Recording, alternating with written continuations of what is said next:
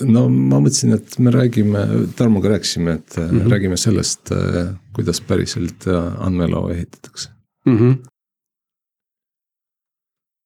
kas sa tead, kuidas andmelauda ehitada? ma tean, et kuidas ei tohi ehitada ja seda olen mina ise teinud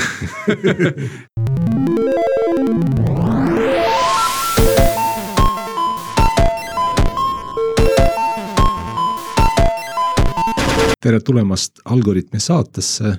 täna on kolmekümnes jaanuar, mina olen Sergei Anikin, saatejuht ja meil stuudios on kaks inimest.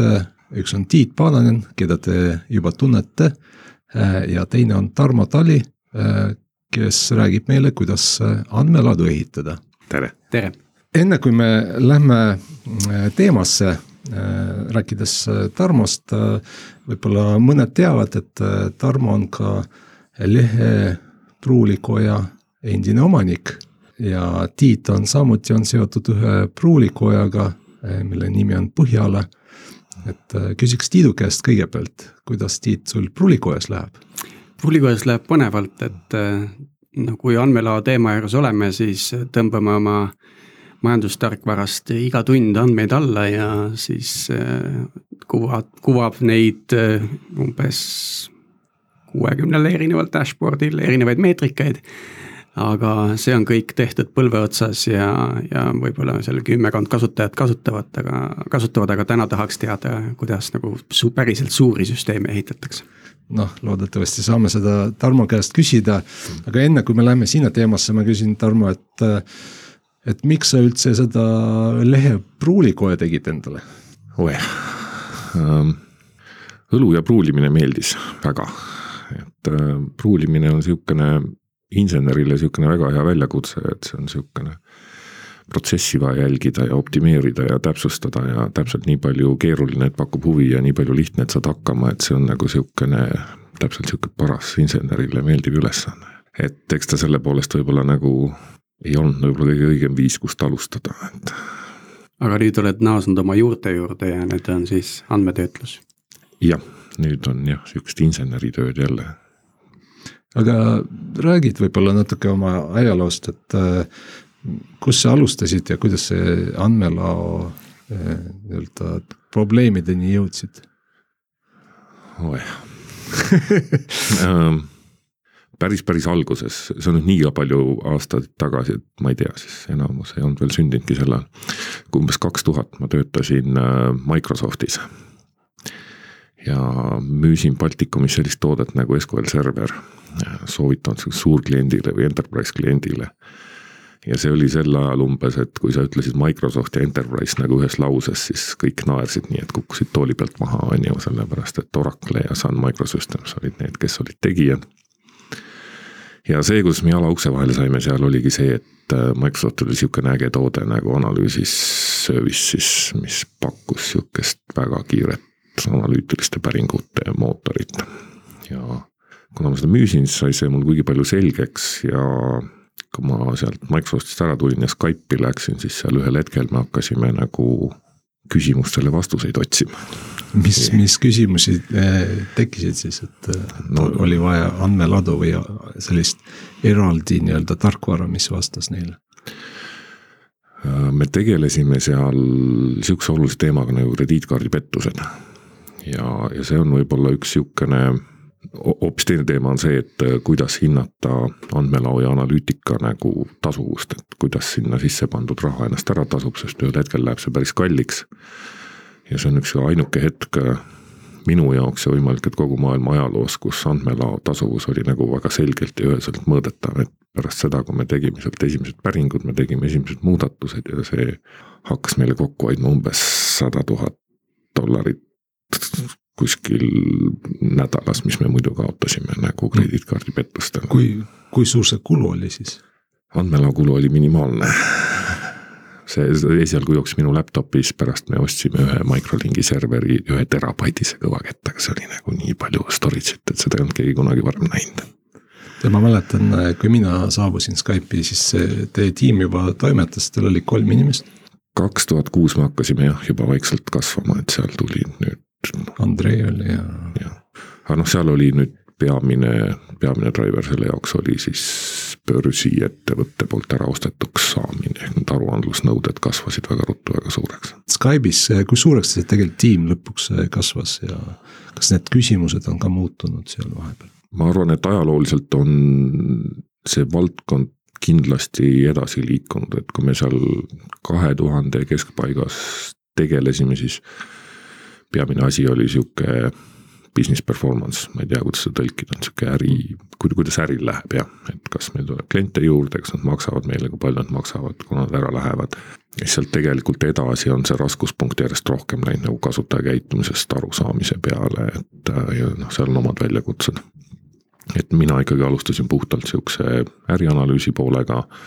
Ja ühel hetkel, kui, kui ma seal lõpetasin, siis see tiim oli vist kuskil viisteist, kuusteist inimest. aga ma liikusin siis seal Skype'i sees teise valdkonda, et ma jätsin selle maha ja tegelesin vahepeal sihukese operations'iga. aga su enda taust on ikkagi tarkvaraarenduses? Läheb jälle keeruliseks, et äh, jah ma läksin ülikooli õppima rakendusmatemaatikat, sellepärast et sel hetkel arvutiteadust ei olnud. Aga kuna kõike, mis sind huvitab, tuleb teha väga põhjalikult, siis mul kulus ülikoolis kümme aastat, enne kui ma lõpetasin. ja siis mul lõpetamise hetkeks oli juba arvutiteadus olemas, ma lõpetasin arvutiteaduse nii, ja nüüd Skype'is äh, sa liikusid äh, teise rolli ja siis sa liikusid hoopiski Skype'ist väljas. jah, sealt tuligi see pruulikoja tegemine ja ehitamine, mis võttis. ja sa ehitasid seda umbes aasta aega ja siis äh, selgus, et tegelikult arvutid ikkagi paeluvad rohkem kui õlu. Jah, see nüüd oligi, nojah, see on sinna jah, kui, kui Oksana ütleb, et Sergei tahab sinuga rääkida, siis sa ei ütle ei sellele, on ju, et see on nagu sihukene. ühesõnaga tõlgin meie kuulajatele, et Tarmo tuli tööle Pipedrive'i. Äh, ma ei mäletagi aasta kaks tuhat neliteist või viisteist äh, sellesama eesmärgiga hakata ehitama Pipedrive'is äh, andmelao tiimi, aga ka platvormi ja siis Pipedrive oli vist kokku kas kaheksakümmend inimest, kui ma õieti mäletan. ja siis sa, Tarmo, ehitasid seda umbes poolteist aastat ja siis läksid tagasi pruulikojad toetama, edasi kasvatama. siis vahepeal käisid ka Starshipis, nii palju kui ma tean. jah, seal oli analoogne probleem või ülesande püstitus, millele oli mul väga raske ei öelda, et kui sul on nagu Pipedrive'iga algus, et kui on sihuke täiesti andmeanalüüsi mõttes tühi koht, et sinna ehitada platvorm ja meeskond peale, et see on nagu ma arvan, et üks niisugune kõige mõnusamaid ja ägedamaid asju, mida ma olen teinud, et see tundus nagu väga atraktiivne ja Starship valdkonna ja tiimina oli ka väga äge. nii et sa oled, ütleme, kolm-neli andmeaida tiimi üles ehitanud oma elu jooksul? no sisuliselt jah, nii, nii võib öelda küll, jah mm. -hmm nii, aga nüüd, kui sa juba oskad seda ehitada, võib-olla oskad äh, ka kuulajatele öelda, et, et mis on see hetk ettevõtte nii-öelda ajaloos või arengus, kus nad peaksid hakkama mõtlema selle andmelao nii tiimi kui ka platvormi ehitamisele, et kuidas ära tunda? noh, õige küsimus IT-valdkonna või õige vastus peaaegu igale küsimusele, et äh, see sõltub. et ma arvan, et niisugune hea indikaator on võib-olla see, et kui äh, on olulisi küsimusi, millele võiks andmetest saada vastuseid, aga millele ei saa vastuseid või see võtab nagu väga palju aega. ja, ja kuidas siuksed tingimused tekivad, on nüüd väga erinevad, ütleme, kui me räägime Skype'i puhul, seal oli alguses küsimuseks lihtsalt väga suur andmehulk, et need, need äh, koormatud andmebaasid ei jõudnud analüütilisi päringuid teha ja selleks tuli teha eraldi infrastruktuur ja kui me räägime nagu Pipedrive'i algusest, siis nii nagu mina seda maailma mäletan, see põhidriver oli ikkagi see, et küsimustele vastuste saamine oli niivõrd keerukas. et need arvutuskäigud olid niivõrd äh, keerulised, et neid oli raske nagu käigu pealt teha, et oli vaja eraldi fookust kellelegi, kes. tegeleks nendega. jah, standardiseeriks ja defineeriks ja looks nagu ühe koha, et, äh, et seal ju igaüks arvutas muidu seda käivet omamoodi ja seal igalühel oli oma number, et tekkis vajadus, et oleks üks keskne number, millest kõik ühtemoodi aru saavad. ja võib-olla kui Starshipi kontekstis vaadata, siis seal äh, oli osaliselt nagu andmemahu teema, osaliselt oli keerukuse teema, osaliselt oli ka võib-olla puhtalt äh, kommunikatsiooni küsimus, et seal nagu hästi nutikad insenerid ja igalühel oli oma laptop'is oma peodes Pythoni skripte, millega nad enda meetrika kokku panid, aga, aga andmed ei töötanud kui sihukene suhtluse või kommunikatsiooniplatvorm, mille põhjalt teha nagu arutelu või keegi saaks edasi liikuda mingisuguste mõtetega, vaid igalühel oli siis nii-öelda oma nägemus või oma nurgake sellest suurest pildist.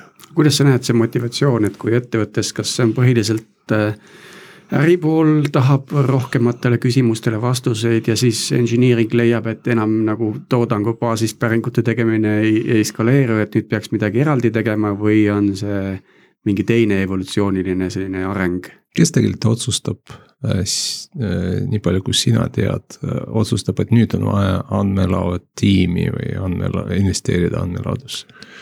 tead, see küll kõige valusam on, et noh, finants on tavaliselt esimene, kes saab, äh, saab pihta sellega, kui puudub nagu nähtavus sellele, et kuidas meie äril läheb.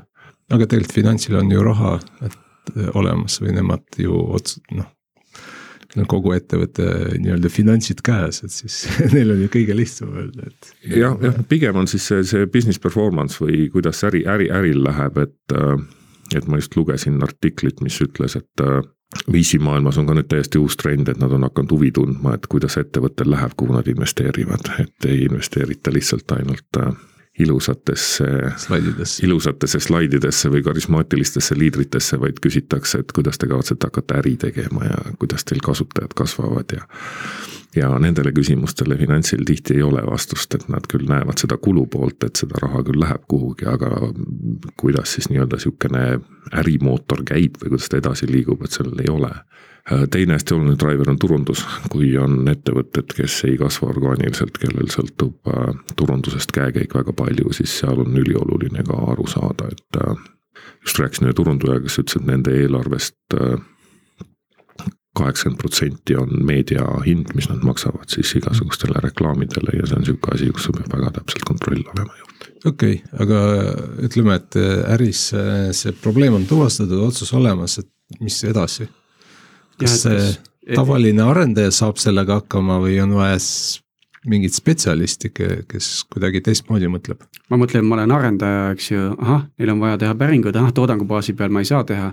no teen siis replika ja teen selle baasi peal siis. eks nii ole kõik andmelaod oma alguse saanud, et, et tehakse kas siis taastatakse back-up või tehakse replika ja see on, see on viis, kuidas enamus neid analüütilisi süsteeme algavad ühel hetkel see läheb selles mõttes hästi keeruliseks, et andmestruktuurid ja andmebaasi disain on väga erinev, kas sa, kas su eesmärk on teha hästi kiirelt üks väike transaktsioon ära või, või jooksutada sihukesi väga suuri andmehulkasid agregeeritult. et see on nagu üks driver, teine on see, et äh, sealt production andmebaasist ühel hetkel tahaks midagi nagu kustutama hakata, et ei jää sihukest ajalugu, ei jää pikaajalist vaadet oma äritegevusele, et siis andmelao täidab seda rolli ka. aga noh, miks alustatakse sihukest koopiast või replikast, on ikkagi see, et äh, tegelikult see, see andmete viimine andmelattu ehk siis ETL protsess, extract, transform, load on kohutavalt kallis et kui me vaatame andmelao kulu, siis nende ETL protsesside arendamine võib-olla on, ma ütlen, kaheksakümmend protsenti kulust kulub selleks, et äh, need andmed sinna andmelattu viia. miks see nii on?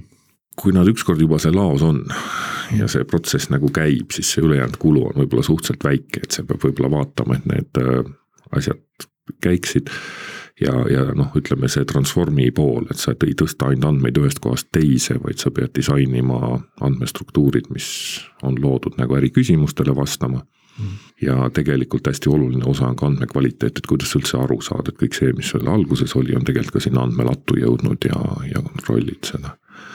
ja tihti on siis see ka, peab suhteliselt töökindel see kood olema, sellepärast tavaliselt laaditakse siis nii-öelda mingisuguse madala perioodiga, mis tavaliselt on mingi öine aeg, keegi ei valva seal kõrval, kuidas see nagu toimib. ja tavaliselt ka selle ETL-i osana või sihukese laadimise osana nähakse ka kõrgema taseme nagu mudelite või abstraktsioonide ehitamist, noh üks asi on hästi lihtne, et sa teed sisuliselt koopia lähteandmetest, võib-olla teed sinna natukene peale, mingisuguseid äh, join'e teed ette valmis.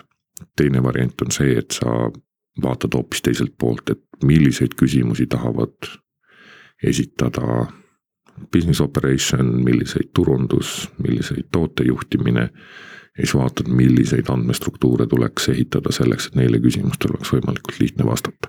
ja, ja nende kahe maailma vahel nagu tõlkimine on niisugune suhteliselt spetsiifiline ja keeruline tegevus. ma olen aru saanud, et osadele in- äh,, nagu valdkondades on juba need analüütilised andmemudelid nagu justkui ette valmistatud mingite äh, firmade poolt, noh a la finantsvaldkonnas näiteks sa tahad finantsarendust teha, et sul. tegelikult sulle juba antakse ette, ma ei tea, Teradata või, või mis need firmad on, et. Nad annavad sulle juba andmemudeli ette, et milline see äh, analüütiline andmemudel peab olema, et vastata nendele finantsküsimustele jah, see on õnneks maailm, millest ma väga palju ei tea, aga Teradata ja IBM müüvad äh, selliseid lahendusi, et sa ostad endale serverid ja andmebaasid ja seal sees on juba struktuurid ja kui sa oma andmed sinna ilusti kõik sisse sätid.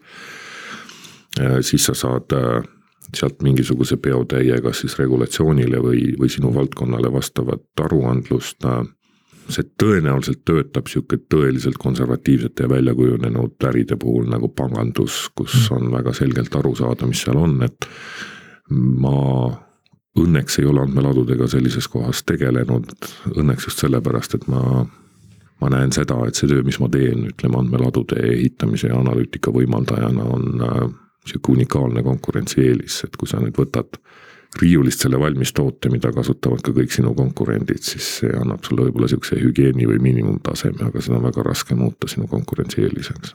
okei okay., äh, ehk äh, selleks, et andmeladu, laoga alustada, sa pead välja mõtlema, mis see andmemudel on, mis vastab äh, äriküsimustele.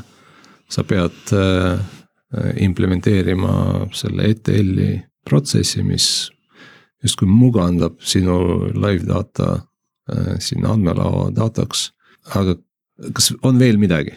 ma võib-olla täpsustan siin vahepeal, et mis see roll on, kes ETL-i kirjutab, mis, mis tüüpi inimene, mis oskustega ta peab olema? ETL-i arendaja väga lihtne. seal on äh, selle, selle rolli ja nende ülesande püstitustega on sihukene hästi keeruline asi, võimalik on see, et ma ei oska nagu paremini, aga kõik need tiimid, mis mina olen teinud, et me oleme kõik nagu siuksed natukene kahepaiksed.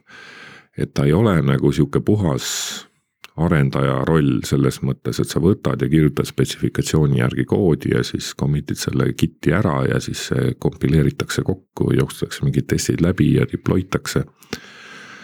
Need programmid kipuvad pigem ikkagi siuksed väiksemad skripti tükid olema noh, kuigi me kirjutame ka endale tööriistu, mis on üks natuke rohkem niisuguse klassikalise tarkvaraarenduse moodi, aga see ETL on ikkagi nagu pigem nagu sihukeste väikeste lõigukeste kirjutamine või kui nagu päris halvasti läheb, siis ei ole lõigukeste kirjutamine, vaid sa klikid kuskil monstrumi siirega ringi. et see on noh, see, kust me nagu ka alustasime, et siuksed hästi ägedad visuaalsed tööriistad on, et vead hiirega paika, et siin on source, siin on destination on ju, klikid sinna mingid transform'id ja ja siis sel hetkel, kui sul on nagu kell kakssada viiskümmend task'i ja siis sa avastad, et sa viiekümnest pead ühe property ära muutma, siis sa päev otsa klikid seal hiirega niimoodi ja kui hästi läheb, siis on ainult mõned asjad metsa läinud pärast seda, et.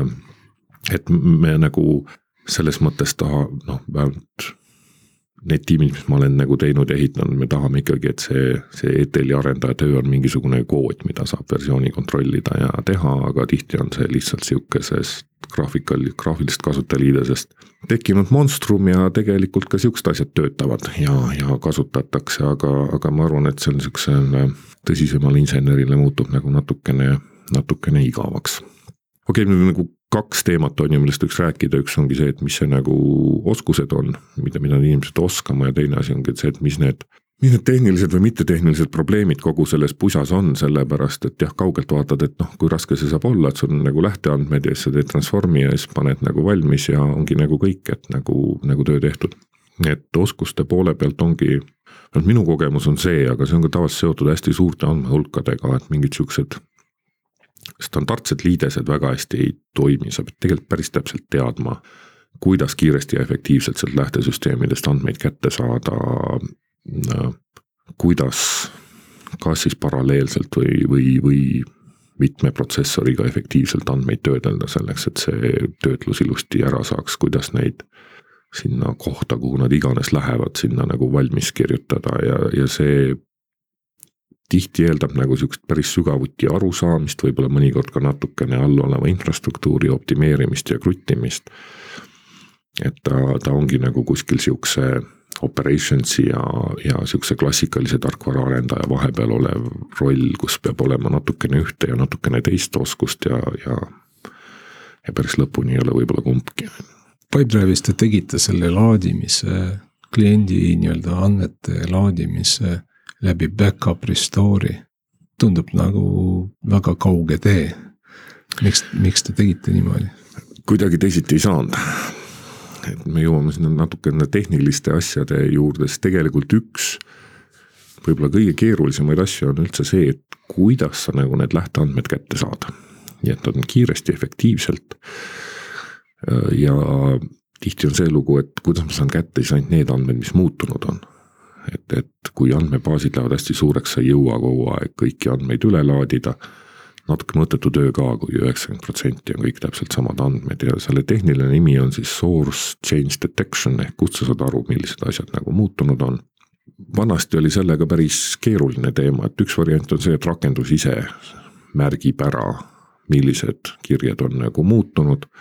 Neid nagu arendusi, arendajaid või arendusmeeskondi, kes tegelikult äh, nii palju ette mõtlevad, et nad märgivad oma muutused sinna andmebaasidesse süsteemselt ära ma peaaegu näinud ei olegi. et isegi kui kohati on kasutuses, siis mingid tabelites ikkagi ei ole seda ära märgitud, et seda on tihti hästi raske teha. tänapäeval pigem on näha, et see liigub infrastruktuuri peale, me omal ajal Skype'is ise ehitasime või noh, ehitasime, mina ei ehitanud, äh, Skype'i andmebaasi tiim ehitas siuksed tööriistad, mis tõid need muudatused siis eraldi välja ja panid meile valmis.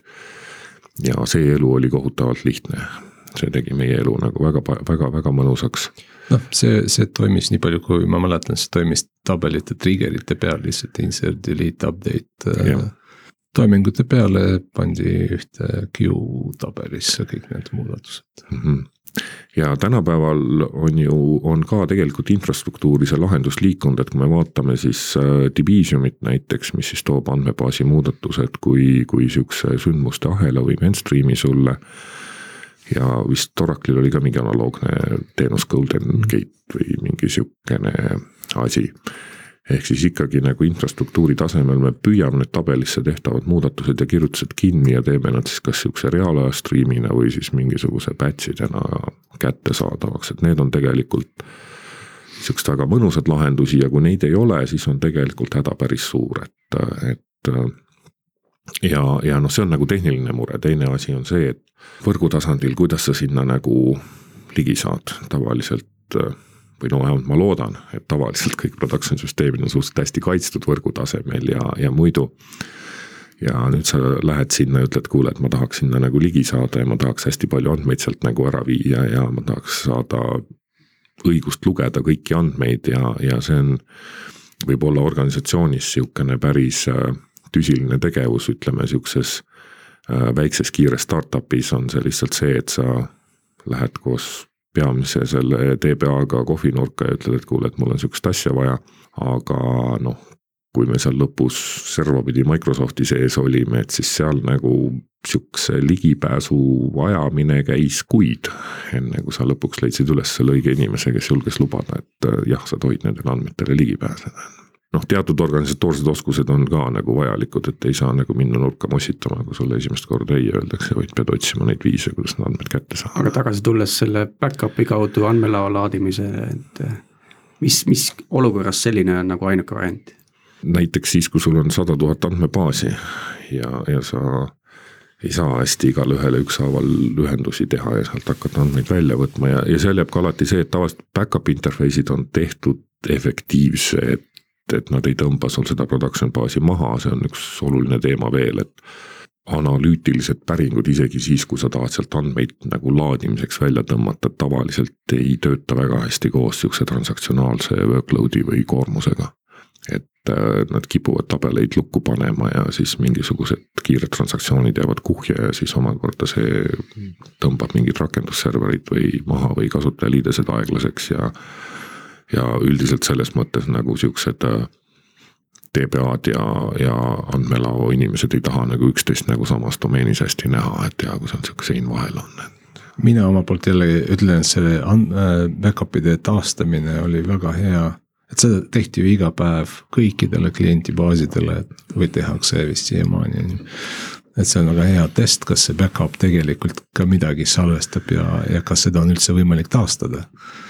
Et äh, sada protsenti, noh, selles mõttes, et tegelikult tegelikkuses me näeme et, et sada protsenti taastada ei, ei õnnestunudki aga iga päev fail inud erinevad back-up'id ehk lõppude lõpuks meil back-up'id on olemas sada, sada protsenti, aga lihtsalt need iga päev ei ole sada protsenti kättesaadavad. seal jah, kasutati meid alatult ära back-up'ide testimiseks või, või siis on sihuke collateral benefit. aga ma ei ole kindel, et teised firmad üldse testivad seda, et kas back-up'id on taast-, taastatavad noh, back-up idega on üldse nii, et tõenäoliselt nagu maailma kõige levinum back-up'i viis on palvetamine, sellepärast et neid kas ei tehta või ei kontrollita. ja, ja noh, selles mõttes, et hea on irvitada ja teiste peale näpuga näidata, ma jäin äh, ise ilma oma, oma pere kolme aasta piltidest, sellepärast et mul kõvaketas läks katki, mis oli küll Raid massiivis, aga sellest hoolimata nad läksid kõik korraga katki. ja, ja seda back-up'i ei olnud, nii et äh, et äh, juhtub kõigil ja tavaliselt sellele ei mõtle ennem kui häda käes. jah, aga kuidas andmelao enda back-up'iga, et äh, on sul selles osas äh, vihjeid või kogemusi, et, et kas ise salvestad kõik kuhugile kettale ära ja, ja saad taastatud, kui vajadus tekib? see on nagu hästi keeruline küsimus, on andmelao back-up ja teine asi on arendajatele testkeskkonna loomine. et andmelao mure on selles, et seda, ta kipub väga kalliks minema, see infrastruktuur, kui neid andmeid tuleb natuke rohkem, sul on vaja väga palju servereid, väga palju kiiret storage'it ja siis, kui sa lähed nagu, nagu CFO juurde ja ütled, et kuule, et ma tahaks nüüd oma kulubaasi nagu kolmekordistada, et ma tahaks samasugust süsteemi teha testimiseks ja veel ühte samasugust nagu back-up'iks, et siis võib-olla sulle öeldakse, et nii palju ei saa. ja back-up'iga noh, üks asi on see, et äh, kui sa ütled, et ma tegelikult ju peegeldan ainult live-keskkonna andmeid, siis sa võid öelda, et ma saan alati minna ja uuesti teha, mis, mis siis ei tööta, kui sa pead pikaajalist arhiivi ja siis sa pead nagu sellest äh, aru saama õnneks on viimasel ajal maailm nagu ilusamaks läinud, sellepärast ma mäletan, et kui kui pilvesid veel väga palju ei olnud, ma ei tea, kas te kujutate ette, et sihuke aeg oli ka olemas, et nagu. et AWS-i ei olnud. AWS-i ei olnud või ta oli sihukene väike veel. et ja siis käis sihukene kaklemine Räkis andme, andmekeskustes Räki ruumi pärast, et kes saab oma mingid storage'i kastid või serverid sinna panna. et siis oli küll kohati see back-up äh, selline, et vaatasid, et okei okay,, et kui ma saan nagu production'ist neid andmeid uuesti tõmmata kuskilt, et ma siis ei salvesta neid või olid siuksed aeglased mingid deep storage'id, mille pealt sa siis lootsid uuesti taastada oma, oma keskkonda.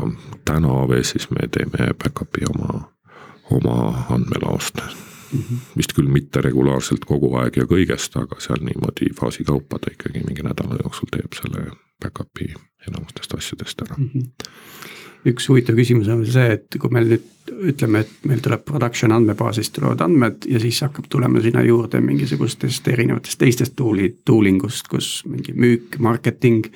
Võib-olla isegi engineering'u asjad, mingid testi tulemused, nii edasi.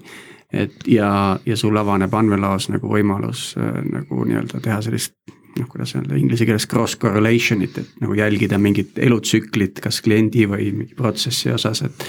et äh, võib-olla siit mõned vihjed. nojah, see on tegelikult üks, äh, kui rääkisin, mis need olulised ajendid on, miks andmeladu üldse tegema hakatakse, siis üks asi ongi see, et sul on palju erinevaid süsteeme, mis on vaja kokku panna ja üks, üks, üks vaade sellest kokku luua. et see on ka või võib olla sihukeseks oluliseks ajendiks äh, tegemiseks jällegi minu kogemus on õnneks selline, et, äh, et need andmed on kõik ühe ettevõtte sees suuresti ja, ja neid on lihtne omavahel kokku panna.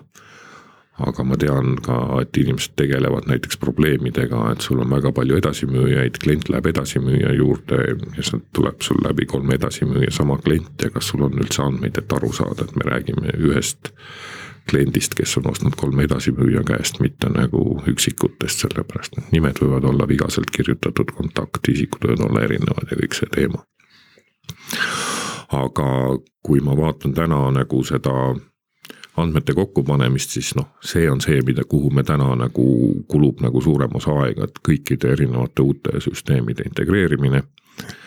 ja sihukene uus trend on see, et andmed ei ole sul andmebaasist, kus sa siis võtad mingisuguse back-up'i või tumbi, vaid sa küsid endale andmeid läbi veebiteenuste. kui sa vaatadki, et sa võtad Jira's oma ticket'id sisse või siis mingist HR süsteemist äh, inimeste info sisse või maksesüsteemist maksete info sisse, siis need kõik käivad läbi veebiteenuste. ja üks hästi uus ja, ja elevust tekitav aspekt selle juures on see, et kui sa kui võtad teisest andmebaasist, sul on suhteliselt lihtsalt kontrollida, kas äh, ma sain sama palju kirjeid, kas mul on samasugused numbrid minu süsteemis, mis on seal originaalsüsteemis kui sa korjad üle veebiteenuse niimoodi neid andmeid, siis sul sihukest äh, agregeeritud vaadet sihukesest ultimatiivsest tõesti ei ole, nii et seal tekivad uued väljakutsed sellele, et kuidas sa saad aru, et kas sul on andmed kõik koos, kas sa tegid mingi vea küsimisel, kas see lähtesüsteem viskas sulle mingi vea, kas sa tegid mingi vea töötlemisel. et ei ole enam sihukest head äh, töökindlat viisi, kuidas seda kontrollida, kas ma ikka sain kõik oma andmed andmelatta. tahtsin küsida, et äh, paljud räägivad, et äh, tänapäeva trend, äh, trendikas nimi on data lake. ehk paneme igaks juhuks kõik andmed, mis meil on, ühte kohta. ja siis, kui vaja on või siis, kui me oskame seda, neid andmeid lugeda, siis siis loeme, seni kuni ei oska, nad on seal igaks juhuks olemas, et hmm.. noh, siis sisuliselt me tegime seda data lake'i enne, kui see termin oli juba sündinud. ehk me samamoodi kogusime andmeid, hoidsime neid alles. sellepärast, et kui me räägime näiteks Skype'i maailmast, siis äh, ega me ei osanud ju päris alguses öelda, et mis need küsimused on, mis meil tulevikus tekivad või mis, äh, mis toode see on, millega Skype maailma võtab, kas me oleme kommunikatsiooniettevõte, kas me oleme telkoettevõte, kas me hakkame üldse sõnumeid edastama, oleme me sotsiaalvõrk, on ju, et hästi palju erinevaid mõtteid käis läbi ja need andmed äh, said äh, talletatud. Äh, seal on nagu üks hästi põnev trend, mis tegelikult selle e-, elu hästi lihtsaks teeb, et kui me vaatame niisugust klassikalist relatsioonilist andmebaasi, sul on tabelid, sul on seal tulbad ja andmed on ilusti ridades siis andmete igaks juhuks salvestamise mure on selles, et äh, selleks, et relatsioonilises süsteemis andmeid salvestada, sul peab kõigepealt olema andmestruktuur. selleks, et luua pädevat andmestruktuuri, sa pead aru saama andmetest, mis nende domeen on, kui suured nad on, kust nad tulevad ja ja tänapäeval on nüüd õnneks olemas tööriistad, kus sa ei pea neid andmeid äh, isegi lõpuni mõistma või seda struktuuri tegema, on siuksed paindliku struktuuriga andmeformaadid, noh JSONit on vist kahjuks igaüks näinud. Miks kahjuks? Äh, eks ta ole sihukene natukene lihtsakoeline andmeformaat, et ma arvan, et see lihtsus on ühest küljest hea, teisest küljest seal on mingisugused nurgad äh, ära lõigatud, et ma äh, olen äh, üritanud koguda, et äh, nagu, nagu konkreetselt töö kontekstis, et mitmel erineval viisil on võimalik kuupäeva JSON-is kirjeldada, mida mul on vaja laadida, mis ma jõudsin kas vist üheteistkümneni, et nagu üksteist erinevat viisi oli see, kuidas kuupäev oli seal kirjeldatud. et, äh, et mingid asjad on seal natukene liiga lihtsad sihukese andmete või andmelao poolest. Äh, samas noh, sihukeses lihtsuses on ta, on ta tore ja noh, agregeeritud päringu jaoks on ta sihukene natukene aeglane ja uimane seda JSON-it lugeda ja parsida iga kirje peale, aga on olnud olemas ka siuksed päris, päris kiired äh, kokku pakitud äh, formaadid, mis suudavad väga suuri andmeid teha ja selle trendi nimi on siis schema on read ehk siis meid ei huvita andmete struktuur või schema, vaid me defineerime siis, kui me selle lugema hakkame. Ja ütleme, et anna mulle sealt JSON-i puust mingid siuksed atribuudid ja tee nendega mingisuguseid äh, konkreetseid tegevusi liida, lahuta, korruta ja alles sel hetkel hakatakse siis vaatama, et mis selle andmete struktuur on, et see, see muudab selle data lake'i hästi popiks. samas, mis selle data lake'iga kindlasti tuleks tähelepanu panna jällegi, on see, et äh, kogu see GDPR-i andmekaitse piirab niisuguse igaks juhuks kogumise tegelikult mm. väga selgelt ära, et seal peab endale aru andma, et et mis on need andmed, mida ma võin igaks juhuks koguda ja mis on nagu tegelikult ikkagi kliendi personaalsed andmed, mis, mille käitlemine on väga selgelt reguleeritud. võib-olla räägiks natuke konkreetsetest tööriistadest, et kui noh, alustad, noh, tänapäeval on palju siukseid tööriistu, mis lihtsustavad ilmselt andmelao ehitamist et mis on need, mis on need tööriistad, ma tean, et äh, kunagi Skype'is te ehitasite oma selle äh, scheduling'u, batch scheduling'u programmi mida nimetati, ma ei mäletagi, mis see, mis selle nimi oli, Prime.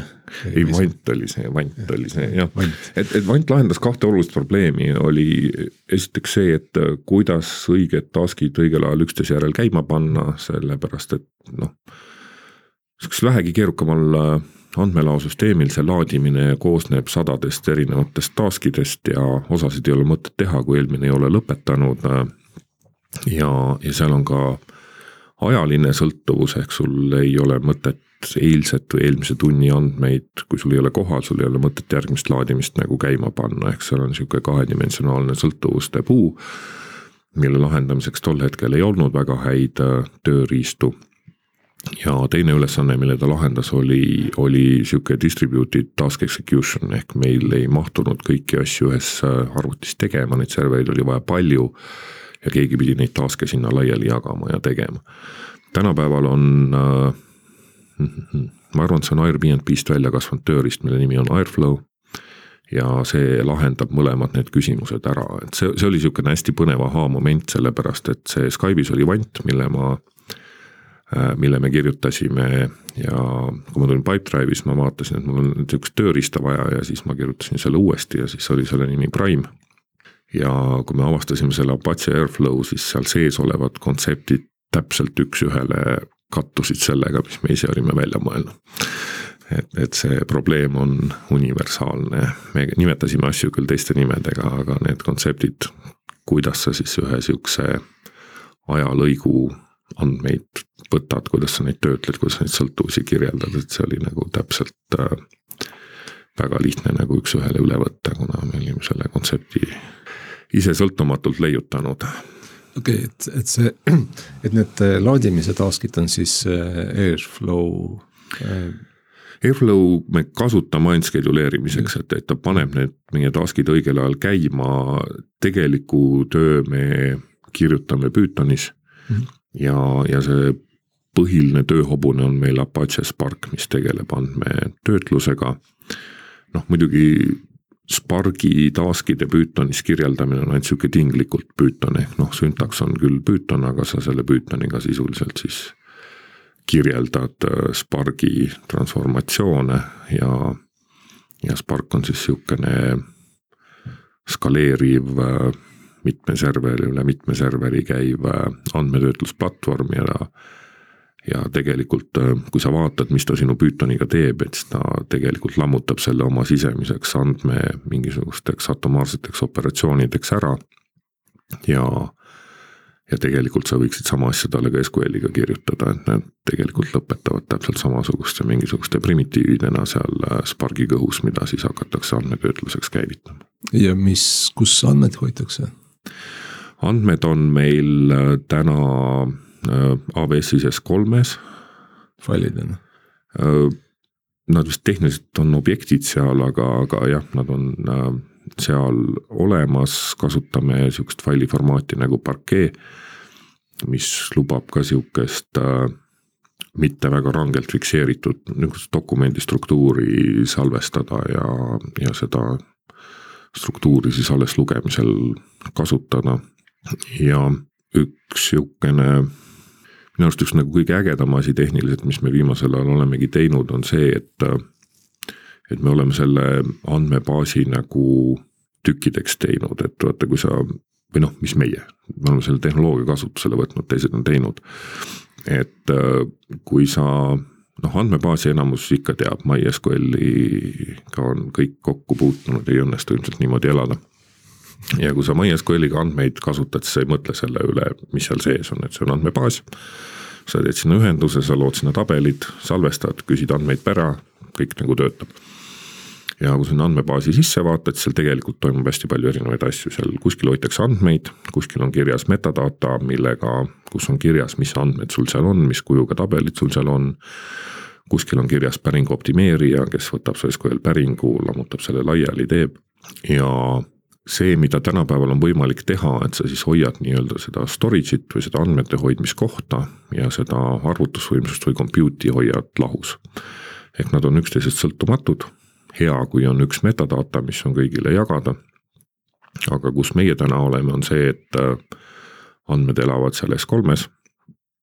me võime neid lugeda oma Spargi klastriga, me võime neid lugeda Ateenas, mis on niisugune hästi põnev AWS-i teenus, mis pakub äh, nii-öelda ilma serverita analüütilisi päringuid, ehk sa siis äh, maksad iga päringu puhul läbi loetud andmete hulga pealt, mis muuhulgas on viis, kuidas Google'i BigQuery on minu arust töötanud aasta, aasta, aastaid juba, neli-viis aastat tõenäoliselt.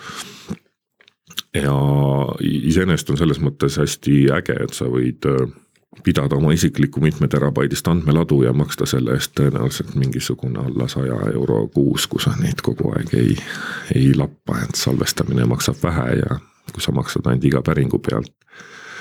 Ja noh, selle asja ilu on veel see, et ta siis paneb nii palju servereid sinna taha, kui ta näeb, et see päringu suurus on, et sõltumata sellest, kas sa vaatad viimase nädala või viimase kahe aasta andmeid, päring lõpeb. sama kiiresti. sama kiiresti saad kätte. Amazoni QuickSight töötabki selle peal või? Amazoni QuickSight oskab ka sinna külge minna, aga Amazoni QuickSightil on omaenda mm. Mälus olev agregeeritud andmemootor ka veel all, et eks see on see sisuliselt, mida see Microsofti Analysis Services, millega me juttu alustasime, tegi kakskümmend aastat tagasi, et see on siis täna jõudnud nagu kõikidesse mainstream vahenditesse ehk sihukest väga spetsiaalselt mälus väga kiiresti ligipääsetavad andmed, ütleme seal QuickSide'il on seal all mingi mootor, mille nimi on Spice, äh, Tableau kutsub seda vist HyperX, aga siis nii-öelda need äh, tehniline nimi on siis nad in-memory kolm store on siis need asjad, mis mm, -hmm. mis annavad selle paugu, ütleme tänapäeva sihukestele kiiretele kasutajaliidestele. nii, kust otsast me seda juttu alustasime, me rääkisime sellest, et me lööme storage, storage'i ja compute'i lõime lahku, et selle, selle ilu on siis selles, et äh, oletame, et äh, andmeteadlastel on vaja kasutada mingit portsu andmeid, mis on väga nagu ressursinõudlikud arvutuse põhjal. Ütleme, et näe, palun, siin on sulle sinu oma klaster, siin on sada serverit, on ju. Nad lähevad sinnasamade andmete kallale, neid ei pea välja võtma, neid ei pea kuskile teise kohta panema äh, andmeteadlased võivad oma SageMakerist neid samu andmeid lugeda, me võime läbi Sparki lugeda, võime läbi Athena lugeda. ja, ja see on sellepärast oluline, et äh, kui andmeid on väga palju, siis tavaliselt nad kipuvad ebaühtlaselt väga palju olema, et nagu sul on kaks-kolm tabelit, mis on kaheksakümmend protsenti kogu su andmelaaži mahust. ja siis on enamus asju, mis ei ole mitte selle tõttu nagu vähem olulised, ongi seesama nagu äh, ärimeetrika versus kasutaja käitumine, ütleme ärimeetrikas on väga harva sul see mure, et sul on nagu miljoneid transaktsioone päevas või noh, kui sul on see mure, see on kohutavalt hea mure, kui sul on nagu, nagu miljon tehingut päevas, millega liigutatakse raha ja sa tegeled sellega. võib-olla Boltil on. tegeled sellega, siis see on nagu kohutavalt tore mure, mida, mida nagu omada, aga pigem on ikkagi ütleme, see transaktsioonide maht on sul võib-olla, loed kümnete, sadade tuhandetega päevas ja seal kõrval kasutaja käitumise infot sa loed sadade miljonite kirjetega päevas. ja kui sul on nagu sihukene maailm, siis on sul valida kaks varianti, et kas sinu andmeladu on väga kallis või väga aeglane. et kui sa paned sinna sihukese klastri taha, et ta suudab neid sadu miljoneid efektiivselt teha, äh, siis sa maksad äh, väga palju raha ära ja kui sa teed sihukese pisikese, mis suudab sihukesi väikseid andmeid kiiresti teha, aga kui keegi kogemata sinna suure tabeli otsa jookseb, siis on äh, päring jookseb mitu tundi mm. -hmm. veel üritaks äh, kaevata, et kui ma nüüd oma andmeladu disainin, eks ju. ütleme, et ma olen Airflow'ga ja ETL-i on mul enam-vähem kontrolli all. et äh, järgmine loogiline, et võtan, kui ma olen Amazoni stack'is, võtan selle Redshifti sinna, panen andmed sinna versus see, mis sa just kirjeldasid, kus sa hoiad compute'i ja storage'it eraldi?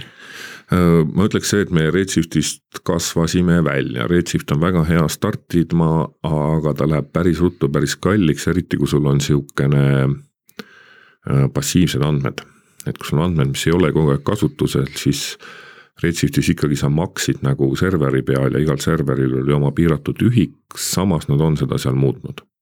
Nad minu arust kuulutasid välja mingid uued teenused, kus sul on võimalik ka nii-öelda storage'it ja compute'i eraldi hoida, et see tundub nagu niisugune suurem trend ikkagi olevat, et. et, äh, et inimesed ei taha nagu maksta väga suuri rahasid andmete eest, mida kasutatakse väga vähe või, või peaaegu ei kasutatagi mm. ja, ja samas noh, jällegi põgusalt mainisin seda, et analüütika võiks olla niisugune oluline eristaja sinule ja konkurendile et kui me vaatame seda, kuhu see muu maailma trend läheb, siis, siis võti on ikkagi oma kasutajast aru, hästi arusaamine ja selleks sa pead oskama kasutada ka seda kasutaja käitumise andmeid. ja tegelikult sa pead oskama seda ka siis nii-öelda selle äriandmetega kokku viia, nii et nad ei saa olla eraldi süsteemides või kuidagi eraldi maailmas. aga nüüd, kui minna tuulingus edasi, siis eh, noh, loogiline järgmine step on visualiseerimine.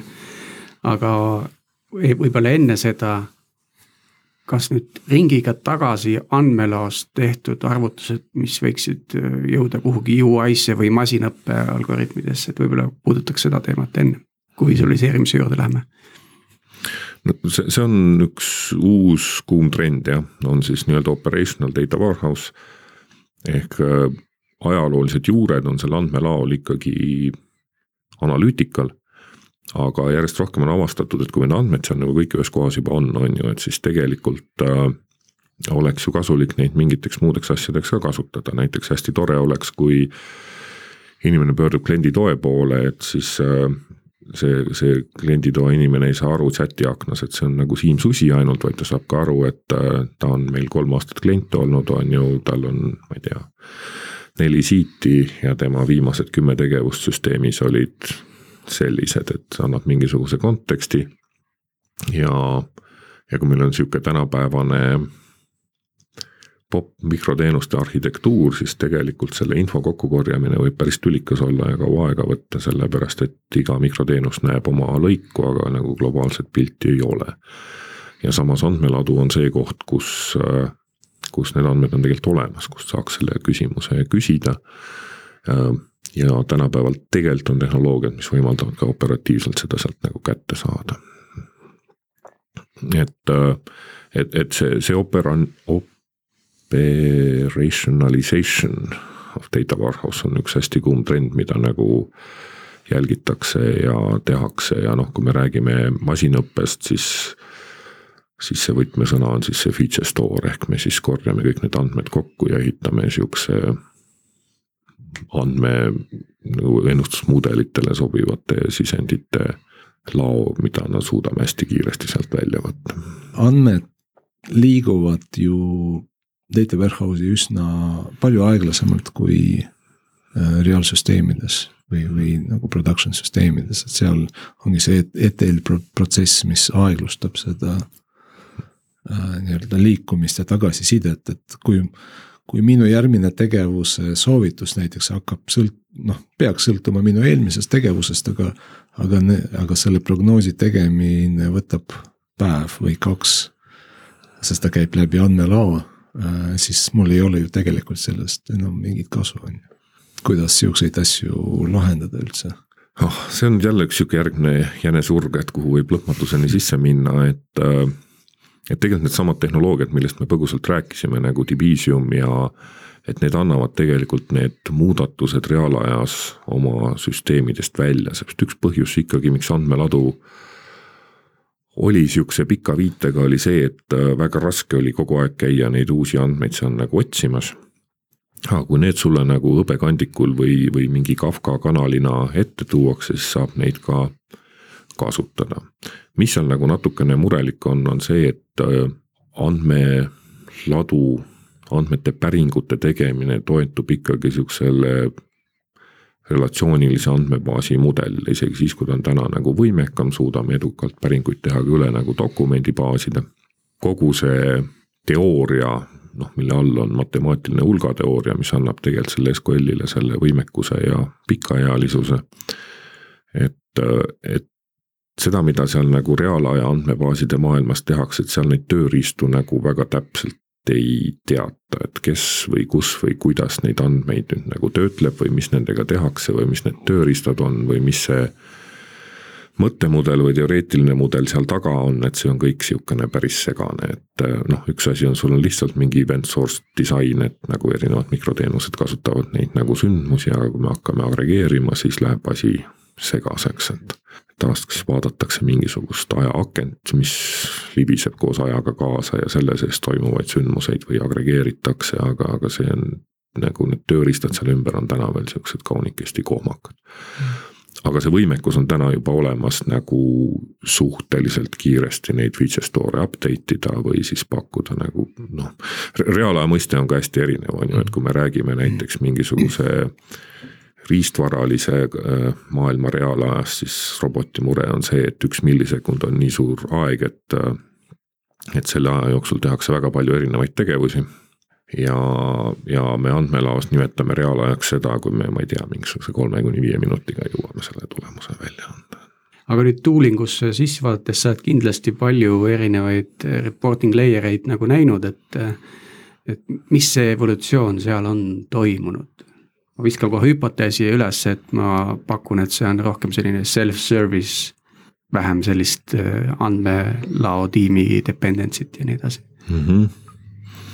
no see, see self-service on jälle niisugune ükssarv, mida, mida on promotud aastaid, kui mitte aastakümneid, et meil on nüüd kohe olemas süsteem, mis teeb nagu self-service'it ja ma olen alati sellele nagu hästi negatiivne olnud, öelnud, et see on nagu suhteliselt nagu hülgemöla, et ega seal ei ole äh, süsteemi, millele sa annad andmed sisse, küsid küsimusi ja hakkavad vastused tulema, et noh, mingid siuksed äh, konverentsi demod, kus ma küsin, et noh, mis mu nagu möödunud kvartali profit oli poodide kaupa, on ju, et siis noh, see on lihtsalt nagu tulpdiagramm ekstra sammudega, et see on ennem pidanud sellele süsteemile kõik täpselt selgeks õpetama, et mis asi on profit ja mis asi on pood. Või ühesõnaga see vastus oli seal tegelikult olemas ja oleks oluliselt lihtsamini nagu tulpdiagrammiga kättesaadav olnud et selles mõttes äh, teha seda reporting layer'it inimestele hästi lihtsalt kättesaadavaks, ma arvan, et see on hästi õilis eesmärk, et selles mõttes self-service selles tasemel, kus oluliselt välja kujunenud teadaolevad numbrid on teadaolevates kohtades kiiresti ja mugavalt kättesaadav, et see on nagu hästi-hästi oluline eesmärk, mida, mille nimel nagu püüelda. Äh, self-service selles mõttes, et ma nüüd võtan ja hakkan neid andmeid kuidagi explore ima, mingeid uusi insight'e leidma, et sihukest äh, süsteemi ma ei tea ja ma usun, et lähiajal ka ei tule. Äh, siis äh, ma ei tea, kas, kas, kas seda tehti meelega või mitte, aga üks, üks hästi popp visualiseerimistuul nagu Tableau. Neil praktiliselt kuni viimase ajani ei olnud võimalus, tehniliselt ei olnud võimalik natukenegi suuremat või laiemat tabelit teha et see välistas nagu selle ära, et, et, et kliendid, kes siis ütleme finantsis ütlevad, et andke mulle sihukene tabel hästi suur ja siis ma saan nagu ise hakkama, et pidid nagu järgmise sammu ette mõtlema, et mis nagu see tegelikult nende küsimus on või mi, mi, mis. mis küsimustele see süsteem peab vastama. et selle, selle tulemus on see, et ta on hästi palju toetanud seda, et trend on visuaalne, et me ei, me ei tegele tänapäeval enam aruannetega, vaid me tegeleme andmete visualiseerimisega, et kui ma noh, kerin enda aega tagasi, kümme aastat tagasi. me ikka vorpisime sihukest tapeeti enamuse ajast, MicroStrategy'ga ikkagi erinevad aruanded oli põhiteema ikkagi read ja tulvad ja mis sul seal sees on. siis tänapäeval me räägime visualiseerimisest, et kuidas esitada andmeid sel viisil, et ta oleks võimalikult kasulik, inimene saaks kiiresti aru, saaks sealt leida mingisuguseid trende või ebakõlasid nagu kiire peale, pilgu peale viskamisega. jätkates seda tööriistade, see tööriistade maailm tundub, on hästi suur ja põnev seal data warehouse'is ja neid kogu aeg toodetakse juurde, et võib-olla rääkida mõnedest vähem populaarsetest või vähem noh, nii-öelda äh, avaliku tool idest üks äh, mida me kasutame Pipedrive'is, mis minu meelest on väga äge, on see Facebooki Prophet ehk tööriist, mis ennustab tulevikku. et ma ei tea, võib-olla Tar-, Tarmo räägid natuke, mis asi see on, miks me, kuidas me kasutame seda? see on äh, Facebooki poolt siis kokku pandud sihukene nii käsurea programm kui ka teek, mis siis lubab aegridade põhjal tulevikku ennustada. ehk siis võtab arvesse möödunud äh, perioodil juhtunud asju, kus ta on päris nutikas, ta oskab hinnata aastasi trende, nädalasi trende, talle saab mingeid pühasid sinna sisse panna, kui su ennustatav äh, väärtus sõltub sellest. Aga ma arvan, et üks ägedamaid viise, kuidas meie teda kasutame, ongi seesama, mis ma ennem viskasin selle probleemi lauale, et äh, kui me sikutame endale andmeid kuskilt veebiteenusest, toome oma maksepakkuja juurest mingisuguseid krediitkaardimakseid või asju siis meil ei ole väga häid viise kontrollida, et kas meil on kõik korras. ja, ja teine asi selle korrasolekuga on see, et, et veel kümmekond aastat tagasi ma olin ise kohutavalt uhke selle üle, kui me suutsime selle kontrolli teha ja keegi ütles, et kuule, et sul on andmelaos on mingisugune jama, mingi trend läheb vales suunas, mingid andmed on puudu, siis ma ütlesin, et vaata minu andmed on production'iga täpselt samad, minul on kõik korras, mine ära. et, et, et see on tegelikult, ei ole võib-olla kõige parem vastus inimesele, kellel on mure, kes mingisugust äh, vale trendi näeb. et, äh, et tegelikult võiks aru saada, mis nagu juhtus. Ja me kasutame siis seda prohvetit selleks, et äh, mingi piisavalt suure sündmuste ärimahu korral on sul võimalik tegelikult noh, suhteliselt täpselt ette öelda, et mis sul homme võiks juhtuda, kui palju sul tuleb uusi kliente, kui palju sul tehakse tehinguid. kui palju sul võib-olla mingisugused kliendid lõpetavad teenuse kasutamise. ja me oleme neile teinud siis selle Facebook Profiti põhjal äh, sihukese väikse forecast'i. ja kui siis see, mis meil andmelaost paistab, ei, ei mahu sinna mõistlikkuse tõenäosusega vahemikku, siis meil on ehitatud süsteem, mis annab selle pealt alerdi. ja, ja selles mõttes on nagu noh, mina olen seda mõelnud, et see on umbes samasugune nagu võimekus ärile unit teste kirjutada. et sa mitte ei testi oma koodi, vaid sa saad testida oma äritegevust, et kas juhtusid need asjad, mis pidid juhtuma. ja ilu on siis jah selles, et, et, et äkki on see andmete laadimisel tehtud viga võimatu, sellepärast andmeladu ei eksi kunagi, on ju. aga äkki on äh, äh production süsteemis midagi katki läinud, äkki tehti mingisugune turunduskampaania, äkki on mingid kurikaelad meie süsteemi kallal. et kõik need asjad tegelikult paistavad välja ja meid isegi ei huvita, kus kohas see mure nagu pärit on, aga me saame sellest kiirelt teada. ja mina olen jälginud neid ennustusi ja iga kord, kui alert tuleb sellel on tavaliselt äh, tõe mingisugune põhi all olemas. Ja kui see trend on äh, rohkem positiivsuse poole pealt ja väljas nii-öelda sellest ennustusest, siis me, oh, me tegime midagi õigesti siin. Ja kui läheb negatiivseks, siis mõtled, kurat, et mis siis juhtus. Mm.. kuidas see Prohveti kasutuselevõtt välja näeb? Prohvet on siis saadaval nii Pythoni teegi nagu käsurea liidesena. ta on ma ei tea, kas ta on isegi kõige parem asi nagu siukeste äh,, siukse time series äh, forecast'iga alustamiseks, ta on väga suur ja keeruline ja võimekas süsteem. aga, aga mingeid lihtsamaid asju saab väga lihtsalt teha, et annad talle mingi portsu andmeid sisse. ta teeb sulle mingi ennustuse, kas ennustad järgmist päeva või ennustad järgmist aastat, seda saab talle kõik ette öelda. Ja ta annab sulle välja mingid andmed, mis ta arvab, et mis su ajaväärtus siis tulevikus nendes punktides võiks olla koos tõenäosuspiiride ja sellega, me, me oleme sinna ümber mingisuguse maailma ehitanud, et kuidas me siis otsustame, mille põhjal me alerdime, kuidas me visualiseerime neid tulemusi ja tegelikult natukene, natukene katsume ka seda maailma, et kui mingi asi läheb, läheb sealt piiridest välja, et siis tegelikult me juba teame, mis need järgmised sammud on, et sa vaatad, kas erinevate toodete lõikes, erinevate kliendigruppide lõikes, erinevate geograafiate lõikes, mis nagu juhtus, et ka selle jaoks on nagu sihukene väike eeltöö juba ära tehtud. aga eeldus on ikkagi see, et sul, sul on ajaloolised andmed olemas. jah, noh, sihukese time series või, või ajatelje peale pandavate andmete eelis on nagu see, et praktiliselt kõigil on need olemas ja kõik andmed tegelikult istuvad sinna ajateljele lõpuks isegi, et kui mingisugused väärtused ajateljel ei muutu, see on konstandiga tegemist jah, et siis. nii et äh, sulle, Tiit, äh, soovitusena või võimalusena kasutada Profitit äh, vaadata oma Põhjala õlle läbimüüki aastal kaks tuhat kakskümmend kaks näiteks.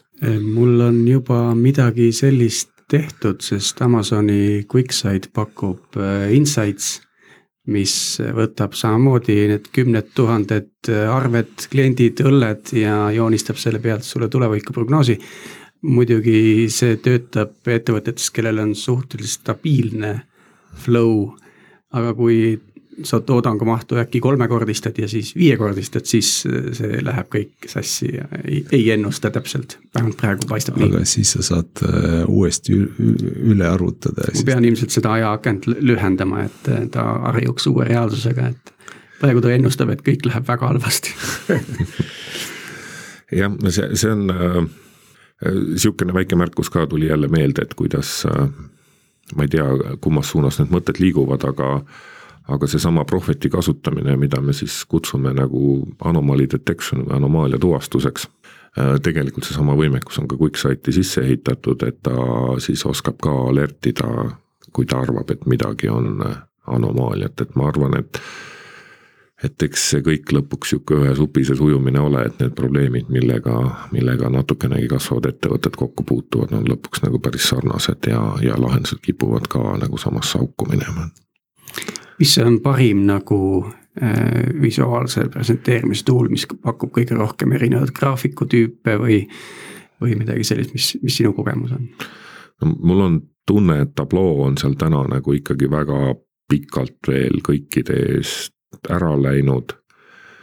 aga kui me räägime tasuta tööriistast, me oleme ju harjunud tasuta tööriistade kasutamisega raske isegi öelda, kui, kui nüüd vaadata nagu, et kõige võimekamad, et millega nagu absoluutselt kõiki asju saab teha, siis need on ilmselt seal äh, Pythoni masinõppe stack'i kandis mingi matplotlib ja sihukene asi, kus sa saad tegelikult kontrollida peaaegu kõiki aspekte ja praktiliselt kõike, mis sa suudad vähegi välja mõelda, visualiseerida, see eeldab koodi kirjutamist ja, ja ei ole lihtne äh, Microsofti Power BI on mingi versioon tasuta, mis vähemalt tabloo pealt tulles on küll päris kohmakas.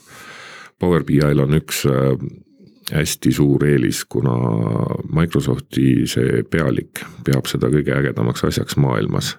siis kogu ülejäänud Microsoft paneb sinna nii palju pauku kui vähegi võimalik, et ta on hästi kiiresti arenenud ja, ja, ja areneb edasi. ja sihukesi üks, üks väga võimekaid siukseid tasuta visualiseerimisasju ei oska isegi kohe nagu ette öelda, et on, on mingid siuksed lihtsamad veebipõhised asjad küll nagu olemas, seesama Redash on olemas ja ja. Grafana on ka suht-. Grafana on natukene selles mõttes, et ta on hästi nagu selle time series fookustatud, et kui sa tahad nagu natukenegi keerulisemat breakdown'i saada, siis on üsna tülikas sellega teha ja sealt on muidugi ka see teema, et et kuskil niisuguse andmelao ja analüütika ja tehnilise monitoorimise vahel on mingisugune ülekattumine või hall ala, kus nad lähevad üksteisele nagu päris, päris lähedale ja, ja seal on vaja ühel hetkel aru saada, et kas ma üritan nüüd ärimeetrikat tegelikult tehnilise monitooringu tööriistadesse suruda või ma üritan nüüd nagu ärianalüüsi läbi tehnilist seda teha ja noh, nagu tundub, et mõlemat võiks nagu saada teha, aga tegelikult nad on ikkagi hästi nagu pikka aega koos kõrvuti ei jookse. jah, aga Google eelmisel aastal ostis Lookeri ära.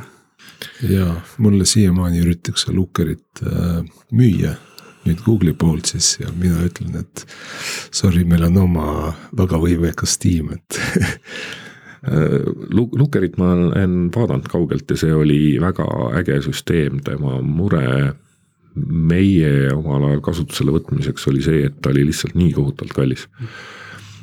ja.